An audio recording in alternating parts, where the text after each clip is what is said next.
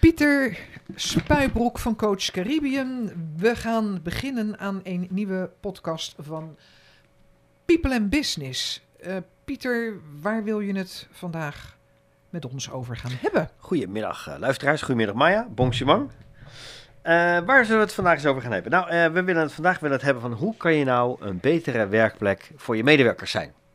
Oké. Vijf simpele tips om uh, ervoor te zorgen dat je medewerkers uh, het uh, wat plezieriger hebben op de werkplek voor het geval dat je dat nog niet al deed. Oké. Okay. Meteen bij de eerste beginnen.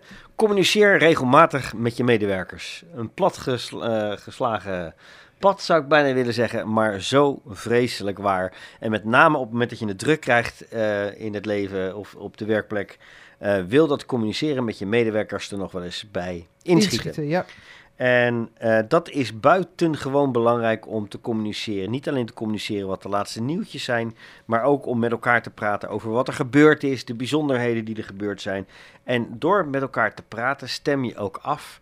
En krijg je ook bijvoorbeeld uh, leuke, uh, leuke gesprekken over wat wel hoort, wat niet hoort, wat je wel moet doen, wat je niet, doen, niet moet doen. Met andere woorden, het communiceren met je medewerkers is een buitengewoon belangrijke management tool. En je medewerkers voelen zich betrokken en het wordt een betere werkplek. Dus oh. werkoverleg mensen.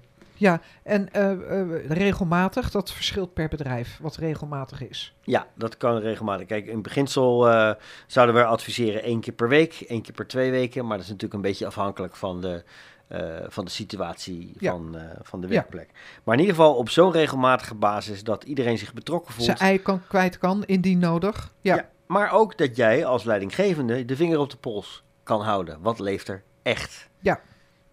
Ja. Uh, de tweede tip, vind de juiste balans tussen werk en privé. Het is helemaal niet erg als mensen zich uh, inspannen om de deadline te halen of om over te werken, maar zorg ervoor dat datgene wat je neemt, dat het ook weer terugkomt. En andersom, op het moment dat je het idee hebt dat mensen iets te veel de balans naar privé laten doorslaan, uh, dat je ook op een gegeven moment dus gesprekken voert met mensen zeggen, weet je, we willen hier een gezonde balans tussen werk en privé. En het slaat nu een beetje te, te, veel door naar privé. Dus zorg er ook voor dat je gewoon weer bijdraagt aan je doelstellingen.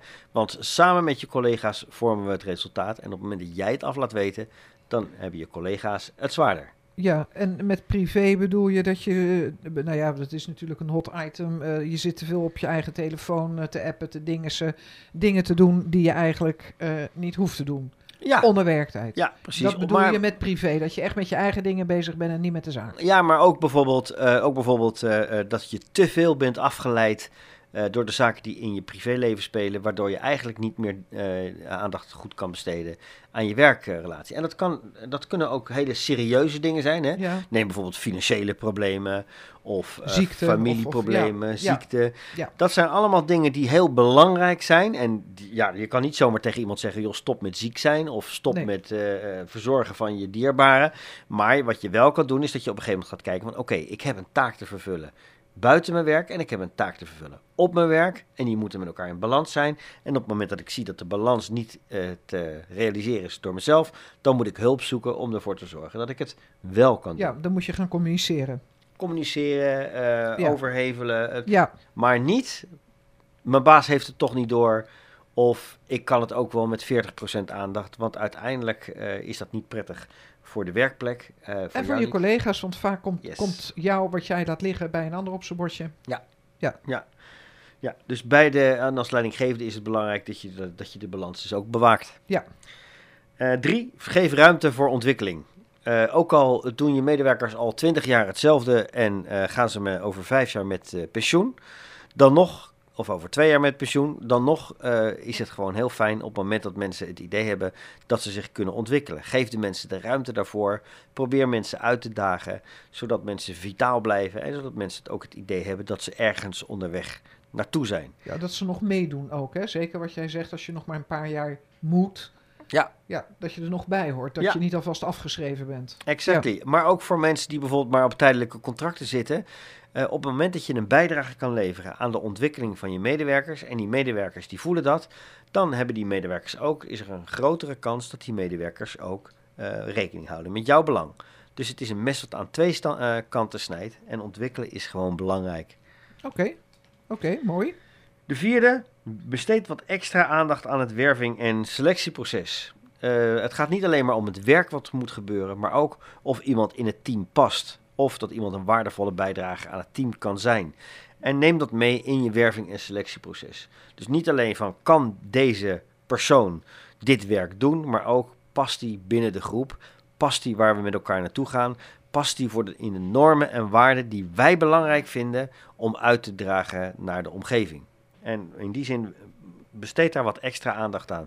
Niet elke persoon kan nou eenmaal alles doen. Ja. En ook al kan hij dat, dan wil hij nog niet zeggen dat hij daar geschikt voor is. Ja, en dat het allemaal goed gaat omdat hij zoveel doet. Want als je te veel moet doen, ga je ook fouten maken. Ja, precies. precies. En last but not least, ga verzuim tegen met een goed verzuimbeleid. Laat iemand niet aan zijn lot over. Uh, want op het moment dat iemand uh, uh, ziek is, dan, ja, dan moet hij zo snel mogelijk kunnen herstellen dan is het belangrijk dat, dat hij het idee heeft dat hij erbij hoort doordat hij bijvoorbeeld tijdig wordt uh, benaderd. Hoe is het met je? Wat kan je niet doen? Wat kan je wel doen? En ook, uh, Maya, wat jij net al zei, op het moment dat iemand ziek is en de taken moeten door anderen overgenomen worden, ja. dat is vervelend voor de mensen. Maar Ja. het is ook belangrijk voor diegene zelf dat hij bedenkt van, hé, hey, het werk wat ik doe, op het moment dat ik het niet meer doe, moet een ander dat doen. Ja, En je doet daartoe. Ja. En daar is een, belang, een goed verzuimbeleid is daar belangrijk bij. Oké. En um, misschien is dat ook nog eens een onderwerp voor in de toekomst. Wat is een goed uh, verzuimbeleid? En wat, ik, wat, wat misschien ook nog een onderwerp is voor de toekomst, uh, een betere werkplek uh, te creëren voor je medewerkers. Daar, daar kunnen we het ook letterlijk over gaan hebben. Wat is een goede werkplek? En dan heb ik het over een bureau en een stoel en weet ik het wat. want heel veel bedrijven zitten in wat oudere panden. Mm -hmm. En uh, waar kan je als werknemer zeggen van nou, ik heb geen goede werkplek en dan bedoel ik het dus, mijn stoel is niet goed en niet de, de omstandigheden de, zoals wat jij het nu over gehad hebt. Ja, dus dat is, twee, allebei de onderwerpen. Vind ik Ja. leuke onderwerpen, maar dat gaan we doen. ja, wordt vervolgd. Pieter, dankjewel. Tot de volgende podcast.